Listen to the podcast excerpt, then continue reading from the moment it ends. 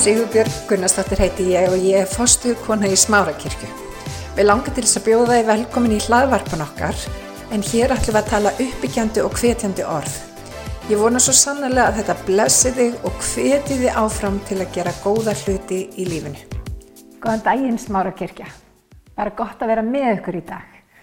Eh, Við erum enn og aftur heima hjá mér þar sem að það er ennþá COVID og við fylgjum öllum tilmælum og þess vegna erum að taka þetta upp svona svolítið í sikkur lægi. Eh, En mér langar til þess að eh, tala við ykkur eftir svona indislega lofgjörð um hann Daví Konung sem er svona fyrsti lofgjörð og leiðtói sögunar. Um, Guð talaði um að hann væri maður eftir sínu eigin hjarta. Hvað þýðir að vera maður eftir Guðs eigin hjarta? Um, við horfum á líf Davís og hann var langt frá því að vera fullkominn þannig að það var ekki það.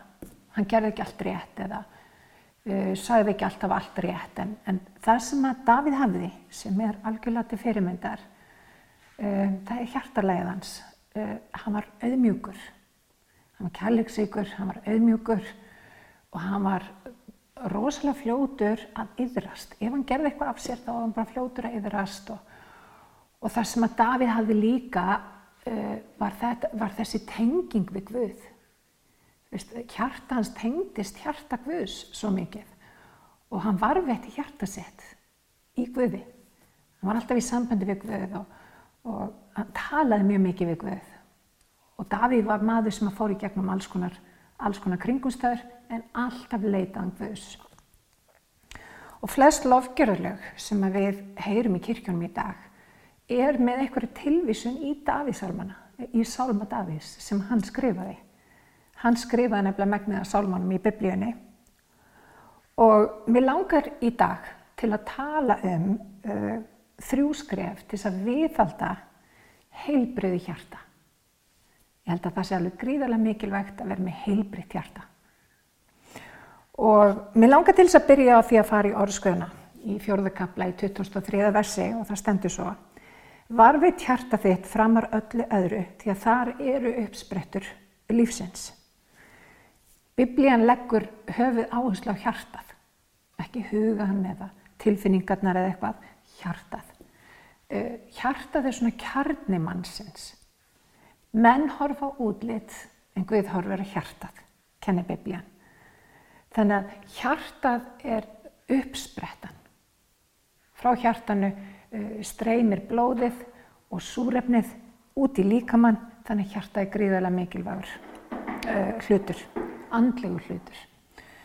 Uh, allar raunverulega breytingar sem að gerast í líf okkar koma út frá trúakerfum okkar, koma út frá hjartan okkar. Og hvaðan við sjáum hlutina, reynslu okkar, hvaðan við sjáum hlutina, og allt er þetta út frá hjartanu. Í Sálmi 119 að þá er Davíð að skrifa uh, svolítið góð vers sem ég veldi gætna að fara í og, og sín ykkur nokkra hluti sem við getum tilengu okkur. Og það segir svo, ég hef neitt hjarta mitt að því að hlýða bóðum þínum um aldur allt til enda.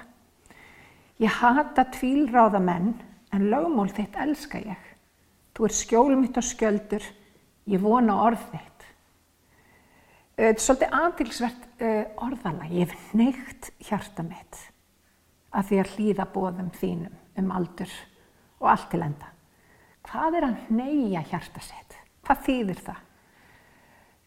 Svona í grófundráttum þá þýðir það að ég hef vanið hjarta mitt. Ég hef lagt að ég vana minn. Neyir gefur líka til kynna að náttúrulegt viðbra hjartans fer eftir vill í einhverja aðra átt. Þannig að það sem hann gerir er að hann venur hjarta sitt á að fara í það átt sem hann vill að það fari. Uh, við getum tekið dæmi uh, með reyfingu. Það vita allir að reyfing er, er holl og góð fyrir okkur uh, en við njótum í rauninni ekki ávinnings af reyfingu sem hollri fyrir okkur nema hún verði að vana. Og, og það hefur með það að neyja hjarta sitt að einhverju. Uh, rannsóknir sína, svolítið aðtilsvert, rannsóknir sína að þeir sem að gera til dæmis reyfingu að lífstíl uh, eru þeir sem að sjá ekki bara árangur veist, með því að léttast og allt þetta heldur sjá andlegan árangur. Uh, það átt að segja því að þetta er bara nöðsilegt varandi streytulósun og, og slökun og, og maður finnur bara hvað þetta gerir líka mann gott. Það er ekki fyrir en það verður það. Þetta er orðið algjör vani að þetta fer að vera lífstíl finnst þetta svolítið merkilegt þannig að Daví segir við stjórnum hjartanu og við eigum að stýra hjartanu og við eigum að varveita hjartan og spurningin er, erum við að varveita hjartan og hvernig varveitum við hjartan uh, það að neyja hjartasett er ekki eitthvað sem við gerum einu sinni líkt og æfingarnar. Við þurfum að gera það aftur og aftur og aftur. Við neyjum hjartað með endutekningu. Það er endutekið, endutekin aðtöfn. Það gæti verið náttúrlegt fyrir þig að missa móðinn, missa kjark eða upplefa vonleysi en þá þurfum við að neyja hjartað í það átt sem að Guð vil að við neyjum hjartað í. Orskveitnið í fjörðakabla segja sónu minn Gefðu gaum að máli mínu, neyðu eira þetta orðu mínum. Láttu þau ekki vika frá augunum þínum, varvetu þau innst í hjarta þínu, því að þau eru líf þeim er hljóta þau og lækning öllum líkama þeirra. Varvit hjarta þitt framar öllu öðru, því að þar eru uppsprettu lífsins. Haldu munni þínum, fjarrri fláum orðum, og vörum þínum fjari legamálum. Beindu augum þínum fram á við og sjónu þínum að því sem framöndan er. Veldu fótum þínum beina braud, þá verður ætið traust undir fótum. Þannig að áður en við byggjum húsið okkar andlega, áður en gluggarnir fara að virka, þá þarf hjartað að virka. Þaðan nefnilega kemur súrefni til alls líkamanns. Rítningin tala nefnilega um að henni náttúrulega er fyrirmynd af hennu andlega. Það sem við sjáum í náttúrulegu lífin okkar er fyrirmynd um, það sem er að gerast í hennu andlega. Og segjum sér svo að við fáum vitneski frá læknunum okkar að við sem er ofhátt kólestról. Og þá þurfum við að breyta vennjum okkar, ekki satt. Við þurfum að fara að, að borða með öðrum hætti, við þurfum að borða hotlar, við þurfum að taka út sigur og, og, og mat sem er ekki góður fyrir okkur. Uh, það sama virkar fyrir okkar andlega líf. Þetta er í rauninu svo opbáslega einfalt. Það sama virkar. Í versi 113 þá stendur ég hata tvílraðamenn uh, og réttþýðing er ekki þetta. Réttþýðing er, hann segir ég hata tvílindi. Og hvað þýðir að vera tvílindur? Það þýðir að að gera eitt í dag og annað á morgun. Það þýðir að borða holdt í dag og svo gera eitthvað ruggla morgun. Veist, að, að rata ekki beinar brautir. Og ég man eh, einu sinni, þá var ég á hérna, leittóa þjálfun, eh, Global Leadership Summit, fyrir nokkur mánu síðan. Og þá var John Maxwell, sem er mjög frægur í þessum leittóa þjálfun, hann var að tala um breytingastjórnin og hvernig þegar þú ert að fara með hóp frá A til B þá þarftu að mála mynd af A sem óásættanlegu ástandi. Og, og, og þannig er það. Stundum þurfa að fara úr einu ástandi og það er bara óásættanlegt. Og þannig er oft breytingastjórnun þú mála mynd af óásættanlegu ástandi og þú ert að fara í B. Þannig að allir taka þátt í því ferðlega að fara frá A til B. Þannig er það líka með okkur mennina. Veist, við getum verið í einhverju ástandi og stundum þurfum við bara að fá nóg. Það þarf stundum bara að koma óþól fyrir núverandi status quo ástandi til þess að við gerum raunverulega breytingar og það er það sem að Davíð er að tala um. Að rata beinar brautir, fá bara nóg. Veist, ég vil ekki vera þessi manneski sem er eitt í dag, annar morgun, ég vil rata beinar brautir. Þannig að hann er að hvita okkur til þess, rötum beinar brautir og, og ég veit ekki mikkur en ég er með svona ég, ég er með svona ásthaturs samband við, við, við súkulæði stundum er ég algjörlega á beinubrautinni og, og svo veit ég, svo dettur maður í það og fæ sér allt og mikið á súkulæði og maður fær móral og, og það, hérna, blóðsíkurinn fyrir eitthvað ruggl og svo framins og svo framins. Þetta er til dæmis gott dæmið um það, það ræði ekki alveg beina brautir. Veist, ég ger eitt í dag og annað á morgun og Guður að vinni því hjá mér. En við könnumst allir við þetta. Og þannig er það oft í þessu lífi, veist, þetta dífolt ástand okkar, veist, er ekki endilega gott fyrir okkur. Við þurfum til dæmis svolítið að neyja hjart okkar, gagvar því að borða hold, að gera það sem gott er. Það, er, það þarf meiri ork í það heldur en að liggja bara í sigri og, og, hérna. og það sama gildur um hið andlega. Við þurfum svolítið að draga líni í sandin og segja, herði, ég ætla að gera það sem er andlegt í dag. Ég ætla að neyja hjarta mitt að því sem að Guðs er. Ég ætla að byggja, ég ætla að leita Guðs og ég ætla að þakka Guði fyrir allar kringustæður. Og það er ákverðin sem við þurfum að taka. Fyrst og síðast bara ákverðin. Og það er það sem að Davíð kunni svo óbúslega vel. Það er að taka ákverðin. Og við þurfum stundum að fá nóg og núverandi ástandi og taka ákverðin um breytingu til framtíðar. Og við þurfum Við þurfum nefnilega vinir að fá óþól fyrir neikvæðinni, yllu umtali, uh, sjálfsniðurifi. Uh, Ílt umtal til dæmis er þannig að það getur verið gott að meðan á því stendur að lifta sér svolítið upp með því að benda á uh, vannkanta annara. Það eru betrir ávextir til lengri tíma. Það eru betrir ávextir. Og með því að gera þessa lín í sandin, með því að ákveða, herðu, hingaðu ekki lengra. Ég ætla að rata beinabrautir.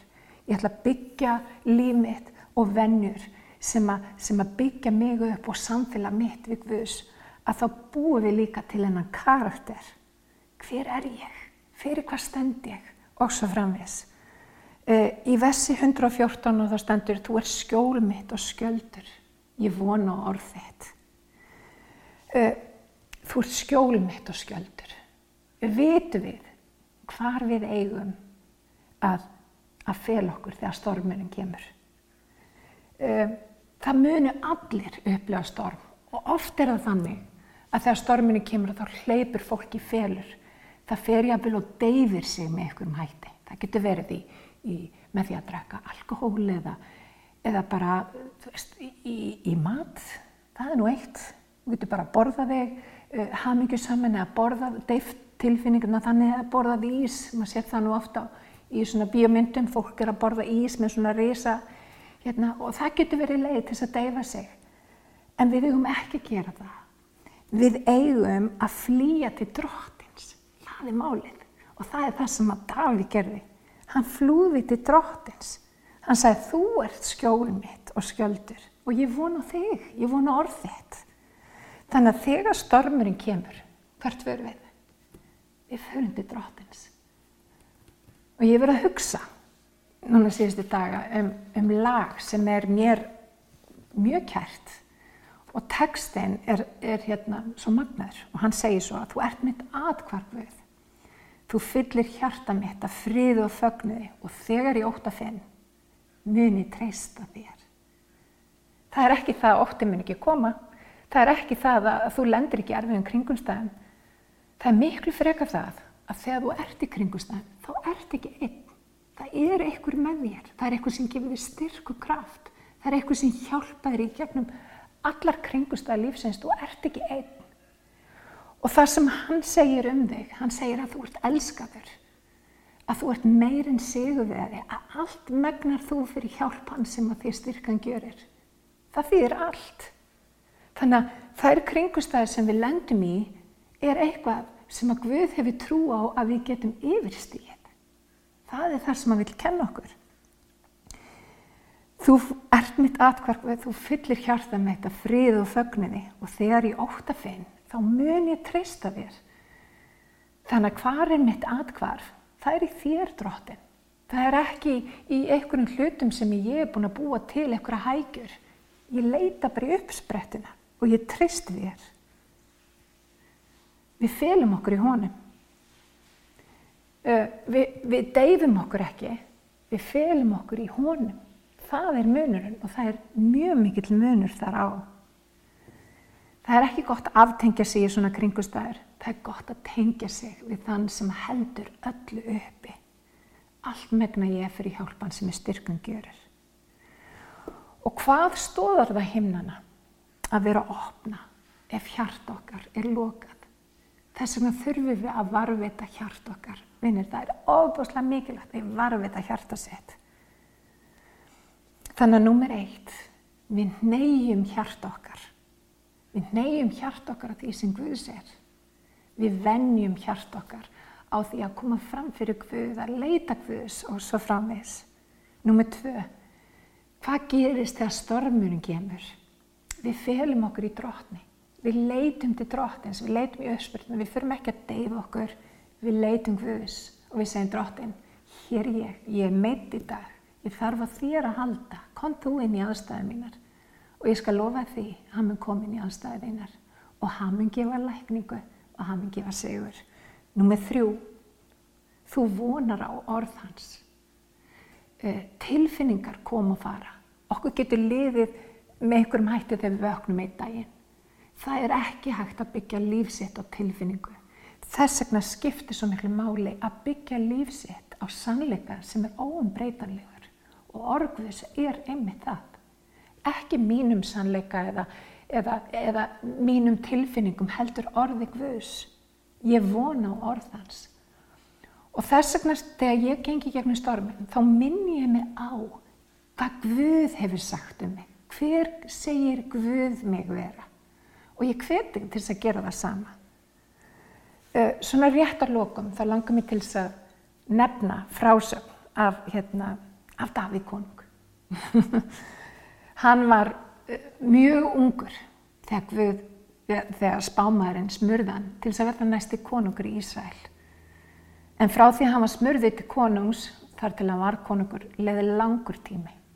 Hann var smurðið til konungs þegar annar konungur var yfir í Ísrael, Sál. Og hann fór að hata Davíð. Hann fór að gera allt til þess að, valdunni tjónu og það endaði með því að, Davíð þurfti að flýja Sál. Og hann varð útlæg í örgla, ég veit ekki, biblíðan talar ekki alveg nákvæmlega um það, en ég, myndi mér að það hefði verið 10, jafnvel 20 ára tímabil. Það var langt tímabil. Það sem hann var smurðið til konung sem hann var bara útlægi. Og aðrir útlægar sem hefði brotið eitthvað af sér uh, fór að fylgja Davíð.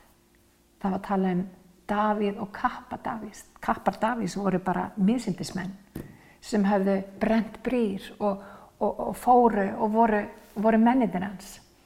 Og þeir gerðu allt saman og, og þar var eining og kærleikur og svo í einni svaðilförinni þeir eru búin að fara hérna og eru á leiðinni heim aftur úr svona svaðilför að, að þá koma er þar sem að konur þeirra, börn og eigur allar voru til Siklag og sjá að það er búið að ræna öllu, það er búið að ræna konum þeirra, það er búið að ræna börnunum, allar eigur þeirra, það er allt farið. Og þeir eru svo óbóslega sárir, eðlilega, gráta þarna, Davíð grætur með þeim, þeir gráta, þið bara gátt ekki gráti meira, við langar til þess að fara hérna í nokkuð vers. Davíð átti nú í vöka verjast. Liðsmenn hans, kapparnir hans, vildu gríta hann. Svo bitrir voru þeir vegna svona sinna dætra. Ekkert skrítið.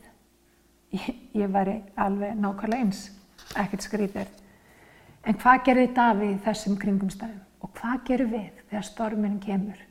Og, og þetta hefur við sannlega lagst í staðu sem að Davíð hafi farið á. Hann var þegar útlægi en þarna voru mennirnir hans uh, líka búin að snúa við honum baki. Hann, Davíð, letaði styrks hjá drottni Guði sínum. Og þetta er svo óbúslega mikilvægt vinnir. Hvað við gerum í storminu, hvað við gerum þegar eldurinn kemur, þegar hýtin að kringustanum, þá skiptir svo miklu máli að við veljum rétt, að við leitum fanga hjá drottni, að við fáum visku hans. Og, og Davíð leitaði Guðs og leitaði ráði honum og Guð talaði til hans og sagði, herfi, farðu og ég mun vísa þér á þann stað þar sem að konur ykkar, börnin ykkar, eigur ykkar eru. Og Davíð fyrir að stað með mönnum sínum og þeir koma á þann stað og þar er allt þar sem að þeir áttu, börnin þeirra, konur eigur þeirra alla og enginn hafði borið skafa af. Þau gáttu fengið allt tilbaka, allt tilbaka. Og það sem að gerist að innan við þremur sólaringum eftir þetta þennan ræðilega dag hjá Davíð þennan lægsta punkti í lífans þegar hann ákvað að grýpa ekki til eigin hyggjandi eða að gera eitthvað í einhverju tilfinningakasti eftir hann leitaði Guðs. Þrem, þremur dögum síðar var Davíð gerði konungur yfir Ísrael. Og aftur þetta er teljandi. Þetta er, þetta er eitthvað sem að Guð vil kenna okkur að gera líka. Hvað við gerum þegar myrkrið sem mest skiptir gríðarlega miklu máli og í staðin fyrir að, að gera eitthvað út, fyrir, út frá eigin tilfinningum þá leitu við drottins. Þannig ég hveti í dag í staðin fyrir að að lifa lífi sem er svona stundum gott, stundum slæmt, neyjum hjart okkar að því sem Guðs er felum okkur í drotni alltaf þegar allar kringustæður uh, koma og vonum á orðans. Vonum á orðans. Vonum ekki okkar eigin tilfinningar eða okkar eigin getum. Vonum á orðdrottins. Ég langar að byggja. Drottin, ég byggjum að mæta hverjum að einum sem er að hlusta. Drottin, ég þakka þér fyrir að þú elskar okkur og þú ert með okkur. Og ég byggjum að minna okkur á hver við erum í þér. Að við getum, við getum horst í auðu við allar kringustæðin því að þú ert með. Og Bibliðan segir, ef að þú ert með, hver getur þá verið á móti? Hjálpa okkur til þess að nálgast lífi með þeim hætti. Byggja upp karakter, byggja upp vennjur sem að styðja þetta samband á milli okkars. Þín og mín drottins. Drottin og ég byrði Jésu nafni og mér langar til þess að byrja stuttabæn. Ef að þú þekkir ekki Jésu, að þá er hann bara einni bæni burti. Biblían talar um að til þess að taka við Jésu í hjartað, í hjartað þá þurfum við að játa með vörunum og trúa með hjartanu. Við þurfum að trúa með hjartanu að Guð hafi uppvakið hann frá döðum. Þannig að mér langar til þess að, að byrja litla bæn og ég byrði um að endur taka bænina eftir mér og bænin er svona, kæri Jésús. Ég byrðum að komin í hjarta mitt í dag. Ég byrðum að reynsa mig af sér hverju synd. Ég byrðum að fyrirgeða mér. Drottin, ég byrðum að fylla mig af heilugum anda. Viltu ganga með mér hvern einasta dag? Viltu hjálpa mér að neyja hjarta mitt að þér, drottin, og því sem þú vilt að það neyji sig að drottin og ég byrði dróttunum að ganga með mér hvern einasta dag. Í Jésu nafn Amen, amen, ákveðin blessi Ég hveti til þess að stilla inn á okkur með reglum hætti því að hér verður alltaf eitthvað nýtt á nálinni. Takk fyrir að hlusta